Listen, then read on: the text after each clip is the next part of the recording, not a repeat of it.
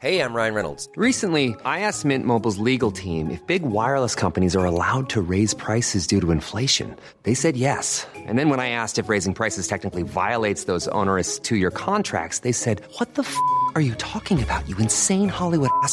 So to recap, we're cutting the price of Mint Unlimited from $30 a month to just $15 a month. Give it a try at mintmobile.com slash switch. $45 upfront for three months plus taxes and fees. Promo for new customers for limited time. Unlimited more than 40 gigabytes per month. Slows. Full terms at mintmobile.com.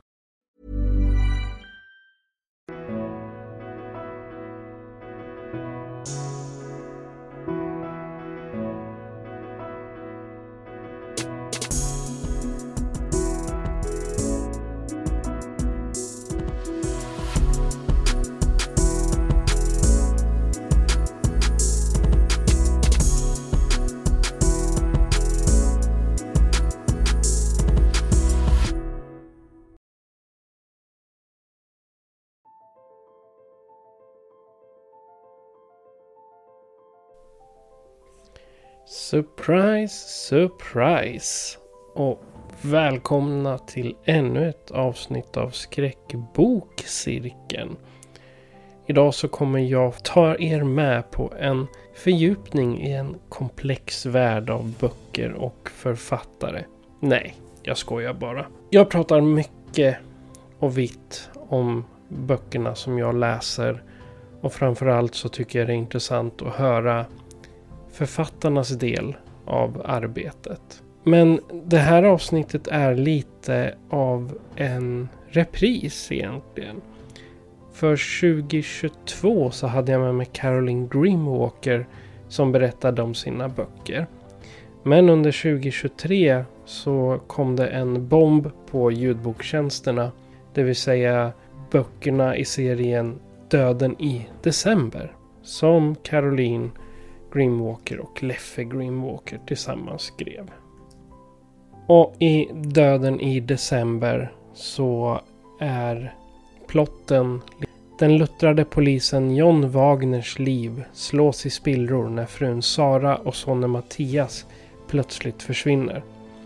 Spåren leder till Saras barndomstrakter, den gudsförgätna orten December i skuggan av bergen och samhällets spelregler.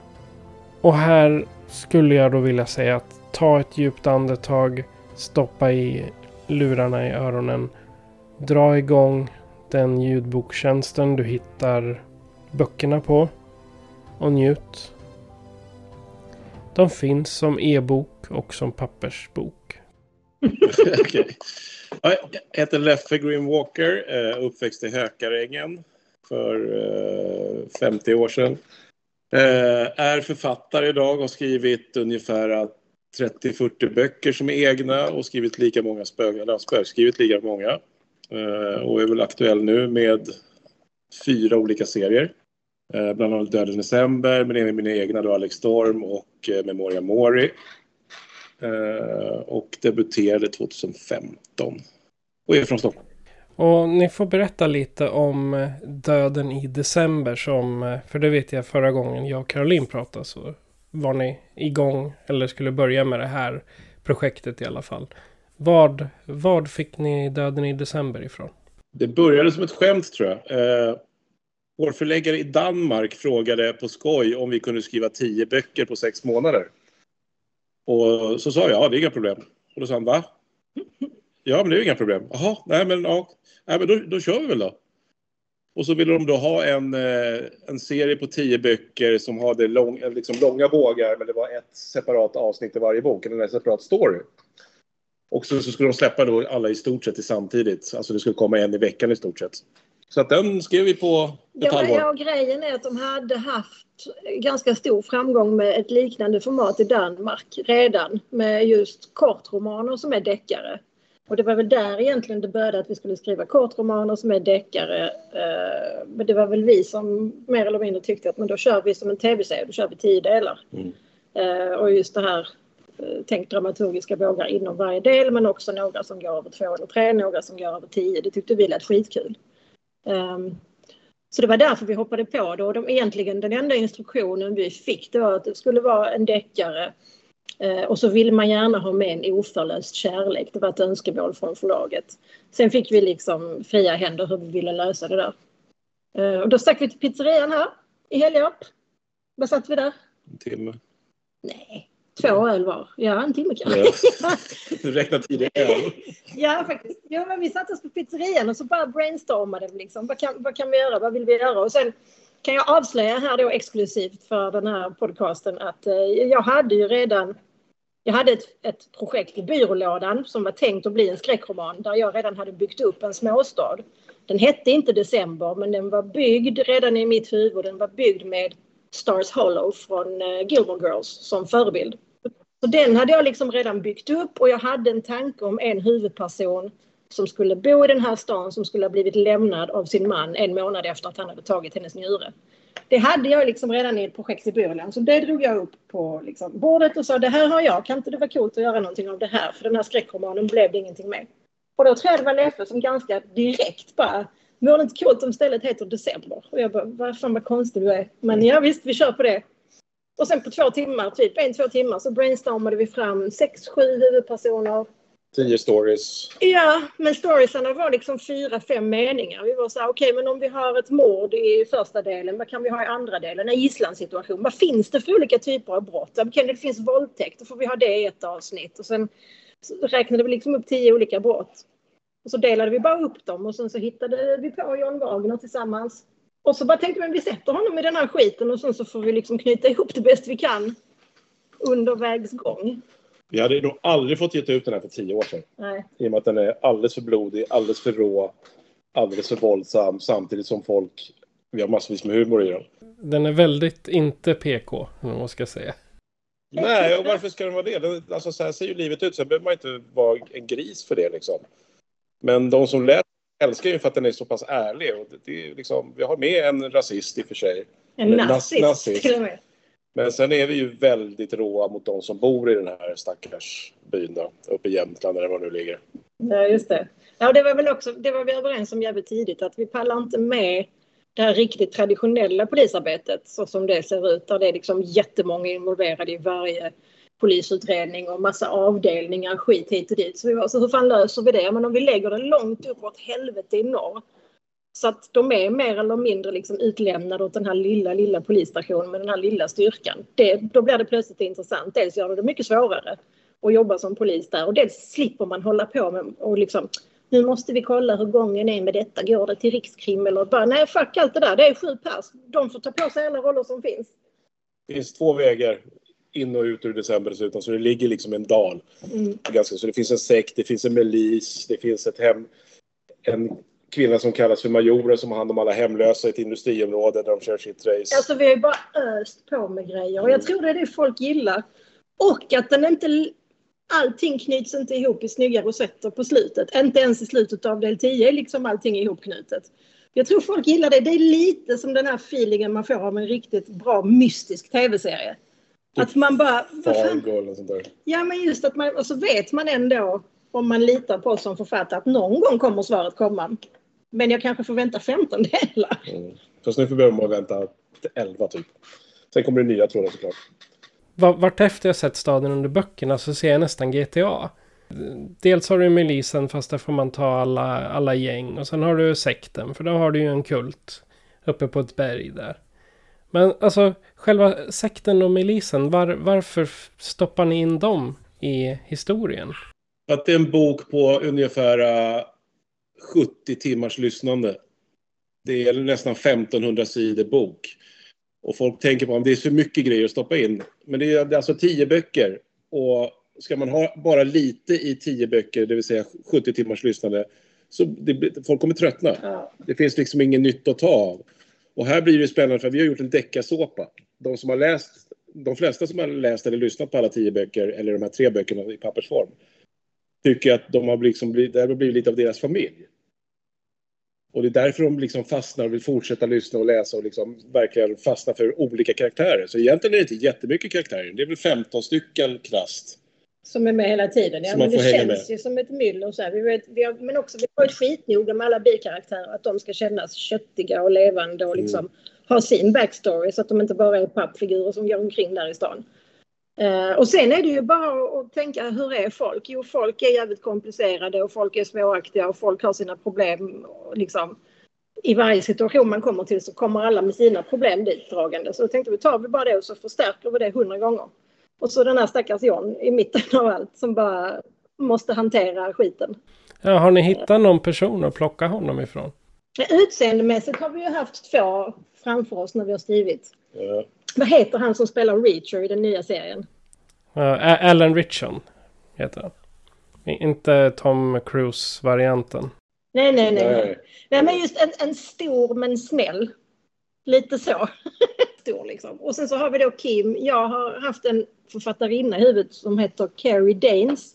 Hon är faktiskt forensic psychologist och eh, krimförfattare. Henne har jag haft eh, framför ögonen när jag har skrivit Kim. Och sen har resten... Nej, sen har vi ju vissa verkliga personer i vår närhet som vi har tagit. Juliette Kortas, hon finns ju på riktigt. Hon äger pizzerian här i byn där vi bor. Och hon är libanes och är precis som hon är i böckerna förutom att hon kanske inte går i sömnen och begår brott. Men Fadoma, vart, eh, hon tycker jag är en av de coolaste eh, sidokaraktärerna. Vi kommer att utveckla henne lite mer också. Men det, hon är ju lätt att skriva just eftersom hon är en verklig person. Så vi kan ju bara ta hur vår Juliette är. Så bara stoppa in i en snut. Och samma med Axel Luo. Det är ju Axel Luo Öhman som är en tredjedel av podcasten Haveristerna. Som är precis sådär grov i munnen och liksom trött på världen och tycker att alla är horungar och bara kan gå hem. Han finns ju också på riktigt. Och det är ju superenkelt att skriva någon som redan finns. Ja. Men sen Johns backstory är ju från första början att han kommer till december för att leta efter sin familj. Hur, eh, hur fick ni fram just den? Jag menar, för, för min del så känner jag väldigt mycket morden i Midsummer först. Förutom att han är inte släkt med alla som jobbar där. Men var, varför just eh, december? Va- varför åker han just dit? För att han hittar en eh, pingad signal mot en mast i december från sin frus eh, mobiltelefon har jag för mig. Eller med, med alltså iWatch. Har jag för mig att det var. Jo, och, men så- men och så tror- kom ju hon därifrån från början. Så att han tror ju att antingen så har hon åkt tillbaks dit frivilligt eller så är det någon från december som har tagit dit henne och kidnappat henne och han, eller hans son. Så det är därför han tar sig till december rent krasst. Ja, Det är ju storymässigt varför. Rent skrivtekniskt varför vi valde att göra så. så är det, alltså det finns ju, vi tittar enormt mycket på serier och läser enormt mycket böcker. Och då kan man ju göra en analys. Vad är det som folk gillar? Vad, vad, vad tycker folk om? Vad tar folk till sig? Vad blir populärt? Hemvändarstories är superpopulära. Det här är ju en liten twist på en hemvändarstory. För att på ett sätt kommer han ju hem när han kommer till december. Vilket man upptäcker mer och mer under, under läsningens gång. Eh, och så får man hela den här komma från storstaden tillbaka till lilla staden och så här. Det är lite, det är lite feelgood och det är lite humor. Och sen kan man ju fortfarande skruva till det som en Twin Peaks och bara göra allting där jävligt konstigt. Så det är tacksamt ur berättarsynpunkt. Och sen det här då med att det ska vara ett stort upptagningsområde, inte massa traditionellt polisarbete.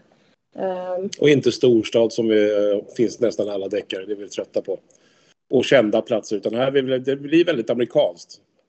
December. Och det är nog lite meningen också, Mm. just att bryta från. Men sen är det ju väldigt mycket Jämtland också med den typ av inställning folk har till poliser och folk utifrån och Stockholm och allt vad det är. Så det, det blev ju bara ännu mer tacksamt. För det är mycket enklare att bygga karaktärer som sticker ut i en sån stad som är lite instängd. Mm. Där folk får vara lite som de är och folk liksom inte har så mycket val. Än att ta det från Stockholm där liksom det är så mycket masker och det är så mycket, liksom, så mycket storstad. Mm. Det hade inte funkat på samma sätt om vi hade skrivit i december i Stockholm eller Malmö eller Göteborg än det som funkade nu. Då. Nej, och sen har vi, vi har ju tänkt tv-serie direkt när vi började skriva den också. Och den här berättelsen är ju uttänkt från början också för att den ska kunna översättas och placeras egentligen var som helst. Den här kan ju placeras i, i eh, Montana i USA, den kan placeras inom Bergsby i Alperna, den kan placeras inom Bergsby, alltså var som helst i världen egentligen. Polen och så vidare. Det är väl bara Danmark som inte kan göra den för där är det platt. Ja, fast det har, ju- det har ju blivit en december i Danmark också. Ja. Vi, vi skrev ett 60-boksavtal, det vill säga 10 böcker i sex länder. Ja. Då var det också väldigt bra att ha december för då, då kan alla känna igen sig i det utan att liksom se en just specifik stad i sitt land. Liksom. Ja, och, och just att man slipper den här. Så jag är det faktiskt inte där. Jag har gått på den gatan. Nej, det har du inte för vi har hittat på den. Ja, men hur, hur tycker ni arbetet har varit då under de här sex månaderna? Eh, Förra året så sa vi att vi skulle aldrig göra om det. Men eh, nu är vi sugna på att göra om det. ja. Men jobb, det var jävligt enkelt ändå. Ja. Eller hur? ja. Vi, vi la upp det så här att vi hade vars ett veto per bok. Eh, annars var vi liksom tvungna att, någonstans eh, kommunicera oss fram till lösningarna. Det dök upp så här vill jag göra men det vill inte jag. Jag vill göra så här. Nej men det vill inte jag. Då var, då var det så här, en gång per bok får man säga nej veto, nu gör vi på mitt sätt. Inte fler gånger. Och jag tror faktiskt jag använde mitt veto två eller tre gånger och Leffe använde sitt två också bara. Mer än så krävdes det inte. Vi var rätt så överens. Och vi är ganska lika när vi skriver i det också, att vi låter magin hända under skrivandet. Som sagt, vi hade fyra, fem meningar var per del när vi började. Och så Ja, jo, ja, jo, nej inte riktigt. Vi hade faktiskt ett stor, eller vi hade ett stor synopsis på varje del, vad som skulle hända i varje del. Och sen innan vi började med varje del så gjorde vi en kapitelindelning på nästan halva boken så att vi visste var, var allting skulle, vilket håll det skulle gå åt. nu pratar jag när vi presenterade det för förlaget och signade det. Ja, ja, det är rätt Ja. sak. Sen började ju själva jobbet och då satt vi så här ska hända i den här delen och så här. Men vi hade ju inte, vi gjorde inte några synopsisar från början till slut från A till Ö och definitivt inte över hela serien. Nej. Jag tror vi var inne i del fem eller sex när jag kom upp från min skrivkälla och bara Leffe, jag tycker vi ska ändra vem Döden i december, själva huvudseriemördaren är. och Leffe bara, Va? vad säger du? För vi hade ju en annan plan, en sådan som det nu blev. Men så sa jag, "Nej, men lyssna här, jag tror det här och det här och det här blir bättre. Och Leffe bara, ja men det har du helt rätt i. Och det funkar med allt det vi har skrivit hittills. Så då kör vi på det. Själva december är ju en egen karaktär, själva staden. Mm. Och det är nog många som inte har tänkt på att göra när de har skrivit till sina egna böcker. Att faktiskt ge skäl åt det stället de håller på med. Vare sig det är Åre eller Stockholm eller nu. Att vi vill ju också ge den här staden en själ. Och det är därför vi också skriver att liksom alla kan komma in i december men det är så jäkla svårt att ta sig därifrån. Och nu får vi ju mejl och kommentarer hela tiden till folk som vill åka till december och undrar, undrar liksom, vilken stad har ni byggt därifrån? Jag säger, nej, det finns inte. Eller så finns det någonstans, men vi tänker inte berätta var den är. Det är nästan lite Hotel California-stil där då. Ja, nej, men det Ja, är lite Stars så. Hollow hade jag i huvudet eh, från Gilmore Girls, från den serien. För jag gillade den stadskärnan där, tyckte den var fin. Så jag googlade faktiskt upp Stars Hollow set, Stars Hollow blueprints och hur de hade sett den framför sig när de filmade den serien. Och sen så byggde jag min stad utanpå den så att säga. Men staden är ju också så att antingen är man född där och kommer inte därifrån. Eller så har man åkt dit för att fly från någonting och vill inte åka därifrån eller kan inte ta sig därifrån. Så det är väl de två, tre typerna. Den tredje typen vet jag inte riktigt vem det är. Det är Måste det finnas tre typer? nej, det måste det ju inte. Men det är därför liksom nästan alla, nästan alla karaktärer har ju kommit dit för att fly någonting och få slippa, liksom, slippa myndigheter och sådana saker också. Och det är ju sitt till varför folk kan liksom mörda någon och folk försvinner och man vet inte riktigt vad de är. För det är så mycket skogar, är så mycket platser att gömma folk liksom. Ja, och sen är ju vissa där för att exploatera. Som den onda familjen Ackerman Ja. och sådär som ser, ser ett annat värde i den. Så att det finns ju en ond familj som också var där från början och byggde en gruvindustri. Och som äger hela stan i stort sett, eller styrt den. Och så får vi se hur det går med det. Är inte det ganska klassiskt med småstäder också? Att det är en familj som har byggt en gruva, ett sågverk eller whatever. Och så. Det, det är en jättebra plott, ska jag säga. och det är taget från verkligheten, det gäller alla städer i hela världen. Mm. Det finns alltid en sån familj liksom.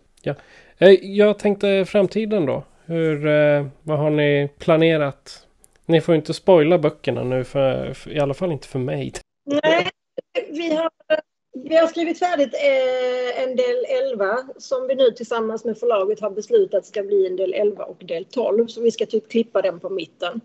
Det blev ju en sån enorm succé med det här formatet vi släppte det i. Och att vi kunde släppa tio böcker nästan en i veckan. Det blev ju en sån otrolig dominans av Döden i december överallt. Um, så att vi, vi kommer inte göra om exakt det, men det kommer släppas sex delar till.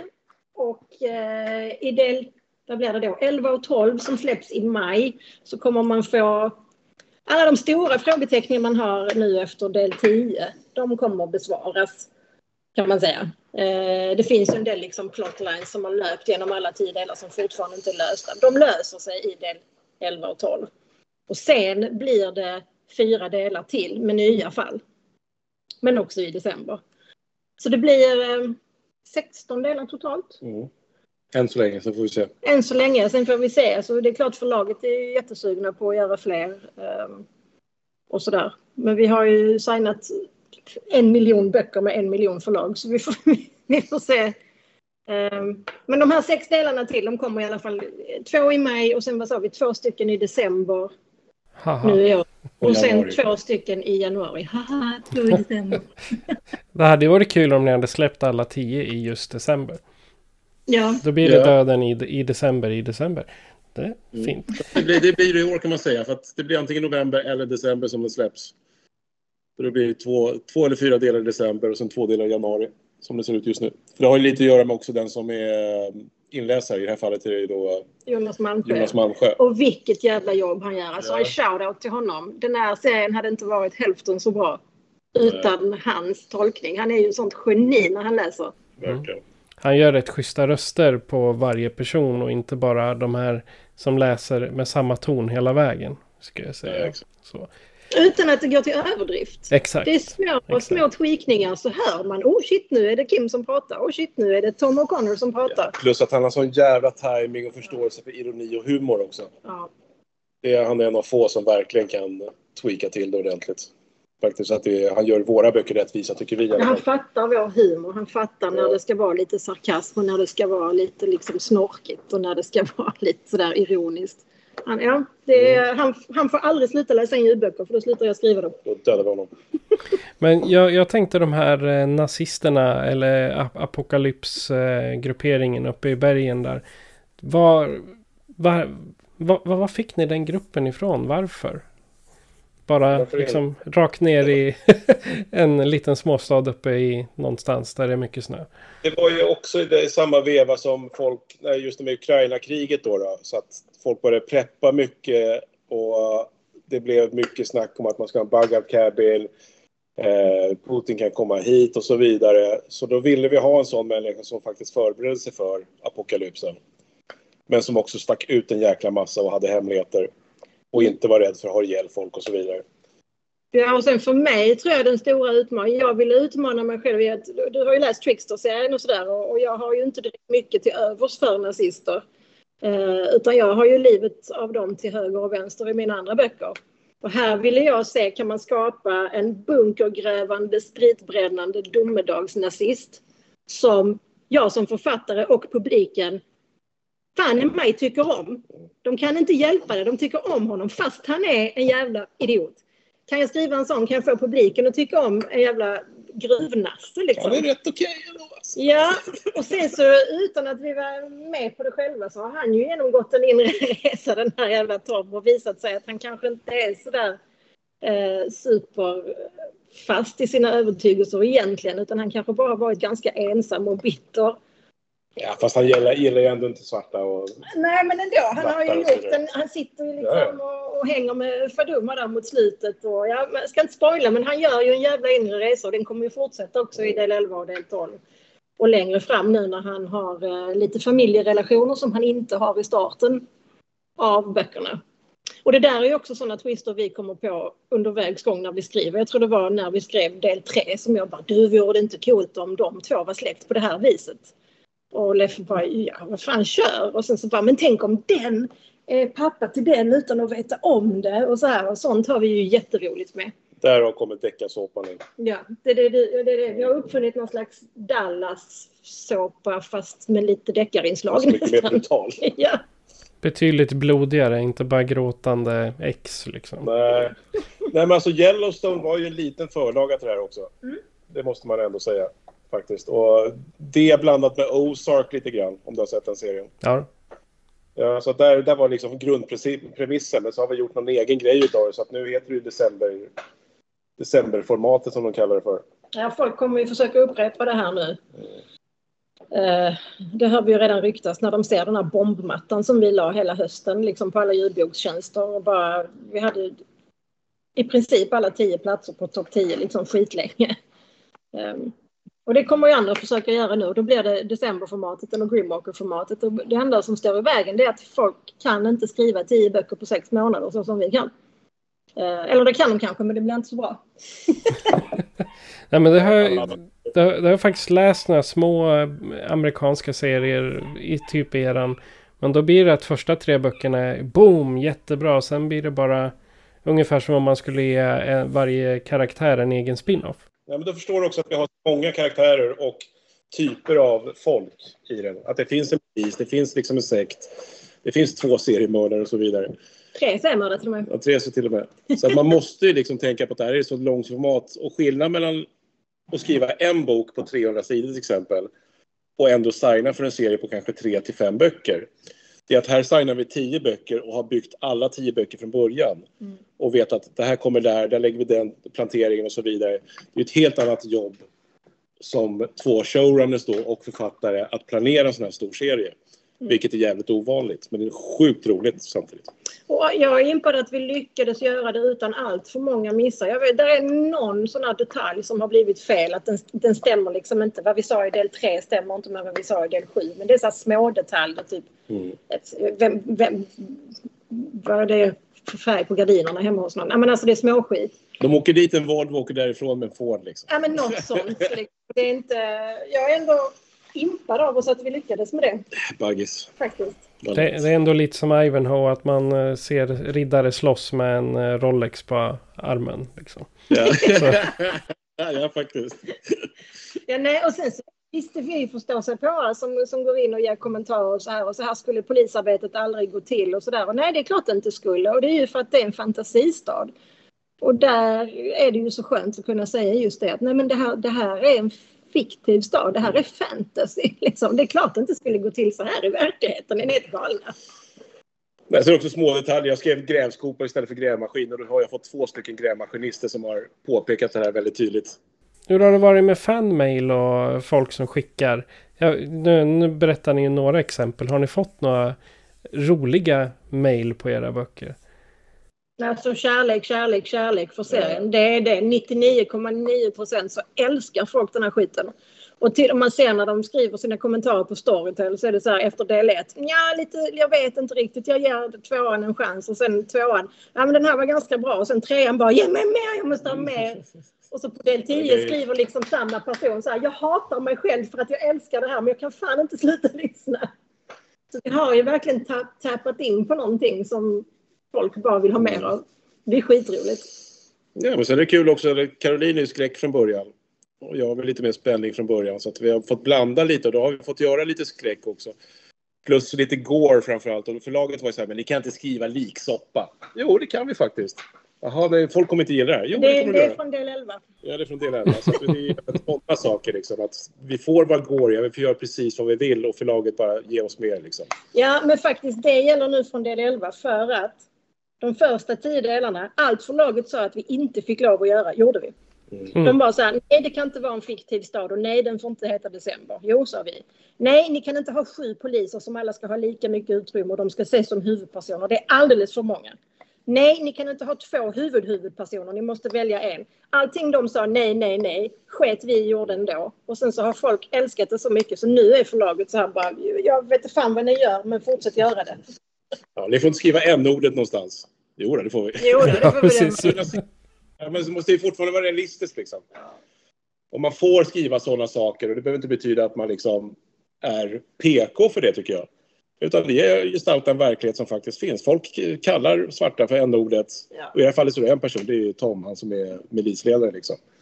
Ja, det vore ju konstigt om en nazist sa en ordet Alltså, Ja, så, och, och inte sa det andra n-ordet. Nej, så att vi har varit väldigt OPK faktiskt. Och vilket har visat sig vara helt korrekt just nu i de här tiderna. För att det har varit lite för mycket PK, det har varit lite för mycket woke och så vidare. Det har varit lite för ängsligt framförallt. Ja, och det har i sig varit bra för att man får en pendel att svänga liksom. Men nu gäller det liksom att nu får vi ta tillbaks lite och liksom. Det räcker nu på ett sätt. Vi måste fortfarande ha en verklighet som stämmer överens. Sen kan man fortfarande vara woke när man skriver en sån här bok såklart. Ja, jag tror det handlar om vem, vem i historien som är Ja, woke eller inte. Vi hade aldrig kunnat skriva en eh, hero story där huvudpersonen är nazist och säger den ordet. Det hade Nej. inte funkat. Ja, det. Utan det vill ju till att det är en bikaraktär som man ändå någonstans ska uppfatta som ond. Mm. Sen att man råkar älska den jäveln som läsare, det är inte mitt fel. eller det är ju mitt fel, men Ja. Jag, jag, jag ska väl också eh, ge er lite... Eh, eh, jag tyckte ni lyckades jävligt bra eftersom eh, vågbrytarna kom ut ungefär samtidigt. Och sen kom väl böckerna om Alex Storm också. Jag, jag, för ni, ni släppte dem parallellt med December. Om jag förstår. Nej, inte riktigt. Utan när sista delen av december hade kommit ut, då kom Kingpin. Kingpin, min bok. Så Och sen kom vågspel. så att det andra förlaget, vi har ju olika förlag, väntade med att släppa Kingpin en månad just för att december kom ut som en bollmatta. Mm. För att det är dumt att konkurrera med sig själv. Men så fort sista december kommer ut, då är det öppet spel igen. Liksom. Mm. Och så kom min uh, vågspel. Och nu i mars kommer ju Trickster del 3. Så vi har ju fyra förlag som pratar med varandra när vi släpper böcker för att de inte ska släppa samtidigt. Ja, det är ändå bra att de samarbetar. Oh ja, de har inget val. Så att, Mm. Men det har varit skitbra. Det är skönt att de ändå tänker så och inte är liksom... Nej, nu ska vi ha vårt liksom och göra så här. Utan, men det är för att vi har förändrat branschen lite också. Man får inte ha så här många förlag egentligen. Allt man inte får göra har vi gjort. Ja. Igen. Varför får man inte ha så många förlag? För att de tycker att har man, är man ett förlag och satsar på ett varumärke så ska man ha det varumärket till sig själv lite grann. Och så har de missat att om man är fyra förlag och lägger budgetpengar på samma varumärke så gynnar det ens egna böcker. Så att om jag har ett förlag som släpper decemberserien så har jag ett förlag som släpper Alex Storm så kommer de här, och hon har sina böcker på Nona och Vappi och allt vad det är. Så gynnar, allt det här blir ju en effekt som gynnar varumärket i sig. Så att alla säljer ju mer böcker på grund av att det är fyra olika förlag. Hade allting varit på samma förlag så hade det inte varit riktigt samma sak. Nej, men så är det och det accepterar förlagen nu och det är mycket tack vare oss. Eh, Förr så sågs man ju som att man var otrogen om man gick till ett annat förlag och det var liksom lite fult och det var inte okej. Eh, Och där har vi, vi har alltid sparkat in dörrar och det har vi gjort även här. Och nu har vi sparkat in dörrar med hur snabbt man kan skriva tio böcker. Eh, Så nu får vi väl se vad nästa dörr blir. Jag vet inte. Ja, det kan vi berätta lite om. Va? Nästa serie som vi håller på med nu har signat. Jag har snart skrivit färdigt första delen här. Eh, Det är ett helt nytt projekt som också är helt knäppt. Där vi har signat för Bokfabriken. Ett universum som vi har valt att kalla för Killing Åre. Stackars Åre. Ja. Jag ska skriva en trilogi och Leffe ska skriva en trilogi. Och så, men de kommer ingå i samma universum. Så att jag släpper del 1 samtidigt som Leffe släpper del 1 i sin. Och så kommer de här böckerna toucha varandra i vissa scener. Men han har sin story med sin familj i liksom huvudperspektiv och jag har min story och min familj och deras problem. Men sen kommer vissa scener vara samma. Fast då i hans bok från hans perspektiv och i min bok från mitt perspektiv. Och så ska vi släppa ettan och ettan och sen ett halvår senare kommer tvåan och tvåan och sen kommer trean och trean. Och så kommer de liksom väva samman mer och mer och mer och mer. Så Det det är ett jag- eh, Grimwalker-verse då. Ja, det, det har aldrig gjorts innan det var därför vi hoppade på det. För att det låter så jävla klurigt och svårt och utmanande så vi bara yes, where do we sign? Såna jävla slampor är det. Ja. ja, men det är en utmaning som heter duga. Det har aldrig gjorts förut. Nej. Så det, det är jättekul. Men jag upptäcker nu när jag skriver den själv att fan vad det är segt att skriva ensam. Det var så himla skönt att skriva december. För då skrev jag fem sidor.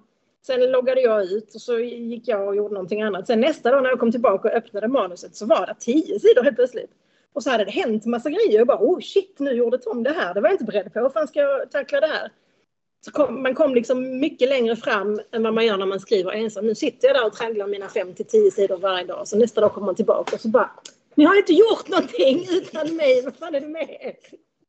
Men så ni skriver alltså parallellt på samma historia? När ni skriver de här, eh, typ december. Skrev en en bit och sen... Sidor, lämnar över det till Leffe. Han skriver fem sidor. Och för att få ihop det så snabbt så har vi nu gjort så att varannan dag jobbar vi två pass. Så att om jag skriver på morgonen fem sidor, då skriver Leffe mitt på dagen fem sidor. Sen skriver jag fem sidor till på kvällen. Lämnar över till Leffe och dagen efter så blir det han som skriver två gånger istället. Och då blir det ju 15 sidor råmanus om dagen och då skriver man ju en del på tio dagar. Plus att vi skriver de andra serierna samtidigt också. Så det blir ju väldigt många... Man får ha koll på... Jag... Ibland så har jag skrivit ett namn i min serie. Här har jag plötsligt hamnat i den andra serien. Just att man ska ha koll på liksom två universum samtidigt. Och det kan bli lite stökigt ibland. Så det är fram med stora whiteboardtavlan nere i källaren då? Ja, fast... Nej, den är, den, den Den är med här inne. Och sen så är det ju bra redaktörer är ju guld värda där som kan liksom säga till. Som när jag skrev andra delen i Trickster så redaktören bara du är den här Jörgen, vem fan är det? Och jag bara vadå vem är Jörgen? Det är det datoransvariga. Och hon bara ja fast han hette Sören hela första boken. Jag bara, Oj! Tack så mycket! Sådana grejer kan, är ju lätt hänt om man skriver 15 böcker på ett år som vi gjorde förra året. Nu blir det lite färre. Nu blir det liksom en bok var tredje månad som ska lämnas in och det är ganska lugnt tempo. Det är fem sidor om dagen måndag till fredag. Har du bara fyra böcker? Mm. Ja, jag är åtta. Jag har bara fyra för jag har lyckats planera mitt liv på ett vettigt sätt. Sen får vi ju se. Det, det, är- alla drar ju oss just nu och vill signa mer och signa mer och signa mer. Och vi är rätt sugna på att göra någonting december liknande. Inte just december, den kanske vi är färdiga med efter 16 delar, det får vi se. Får. Men att göra någonting liknande, en helt ny serie på något helt nytt ställe men med samma typ av upplägg, det hade varit Ja, roligt. deckarsåpa. I november kanske. Ja. Ja. Föga anade man att grannstaden januari var ett jävla shithole också. Men det är, det är ju tur att vi tycker att det är så jävla roligt att skriva. Annars hade vi ju suttit på dårhuset vid det här laget. Ja. Men sen är det ju så, ju fler gånger man har skrivit så mycket snabbt, desto lättare blir det ju att skriva så mycket snabbt. Det, det blir ju, det sitter ju i ryggmärgen till slut. Har ni, har ni haft några funderingar på eh, att eh, få något av det här filmatiserat? Det är redan på gång kan jag säga. Men jag säger, får inte säga vad det är, varför eller Ja, vilka eller så vidare. men det, det ligger trådar ute lite överallt om lite blandat av våra serier. De är ju anpassade för att bli filmserier kan vi ju säga. Rätt Mm. lätt. Ja, speciellt decemberserien, det har vi ju tänkt tv-serie redan från början. Men det är ju ingenting som är klart eller liksom så. Det, men det, så vi kan inte säga mer än att det, det finns trådar ute. Okej. Är det någonting annat ni vill göra lite reklam för när vi ändå har eh, våra alla lyssnare på Ja. tråden? De som lyssnar nu, om man nu inte är ljudboksfantast, så kan vi ju berätta att de finns ju så här. Här är hela decemberserien, tio delar, fast då samlade i pappersböcker. Så här är del 1 till 3 av ljudböckerna. Och sen har vi här del 4 till 6 och sen den sista jävla tegelstenen då heter Döden i december 7 till 10. Så är man en sån där som jag är, som gärna vill bläddra och ha en bok i handen, så finns de ju ute i handeln i inbundet format. Så det är bara att kuta iväg och köpa. Mm. Och skynda sig för att i maj kommer som sagt del 11 och 12. Och då får, de, de får man inte missa då. Nej. Absolut inte.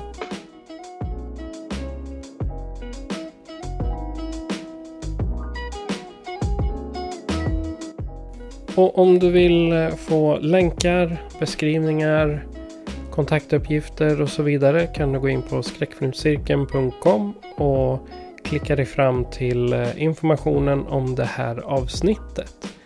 Tack igen Caroline och Leffe. Det här var en eh, ytterst intressant intervju att höra en liten återvändare berätta om hur på bara ett år vilken förändring det kan bli. Ta och dela de här poddavsnitten med dina vänner. Lämna gärna fem stjärnor på någon respektive poddtjänst du lyssnar igenom.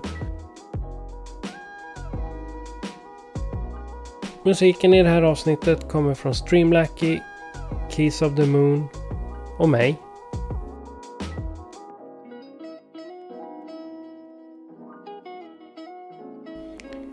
Tills vi hörs igen nästa gång. Jag heter Patrik. Du har lyssnat på Skräckbokcirkeln. Adjö på er.